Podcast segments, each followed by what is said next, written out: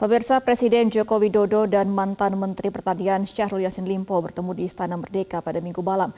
Pertemuan ini merupakan yang pertama setelah Syahrul mundur sebagai Menteri Pertanian.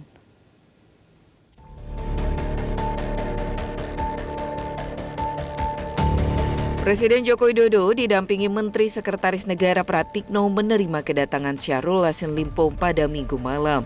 Pertemuan digelar selama hampir satu jam.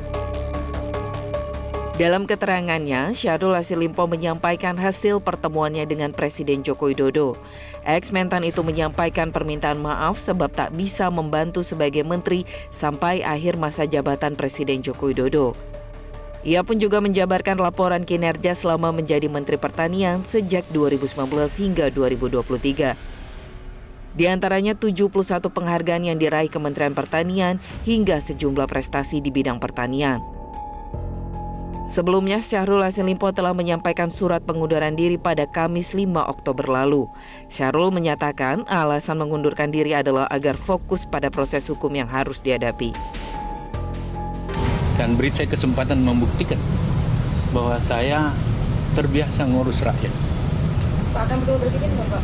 Dan saya berharap nasihat-nasihat orang tua saya,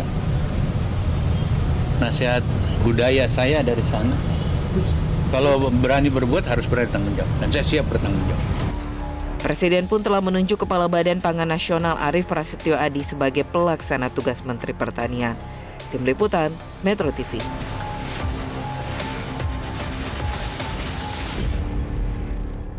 Jelajahi cara baru mendapatkan informasi. Download Metro TV Extend sekarang.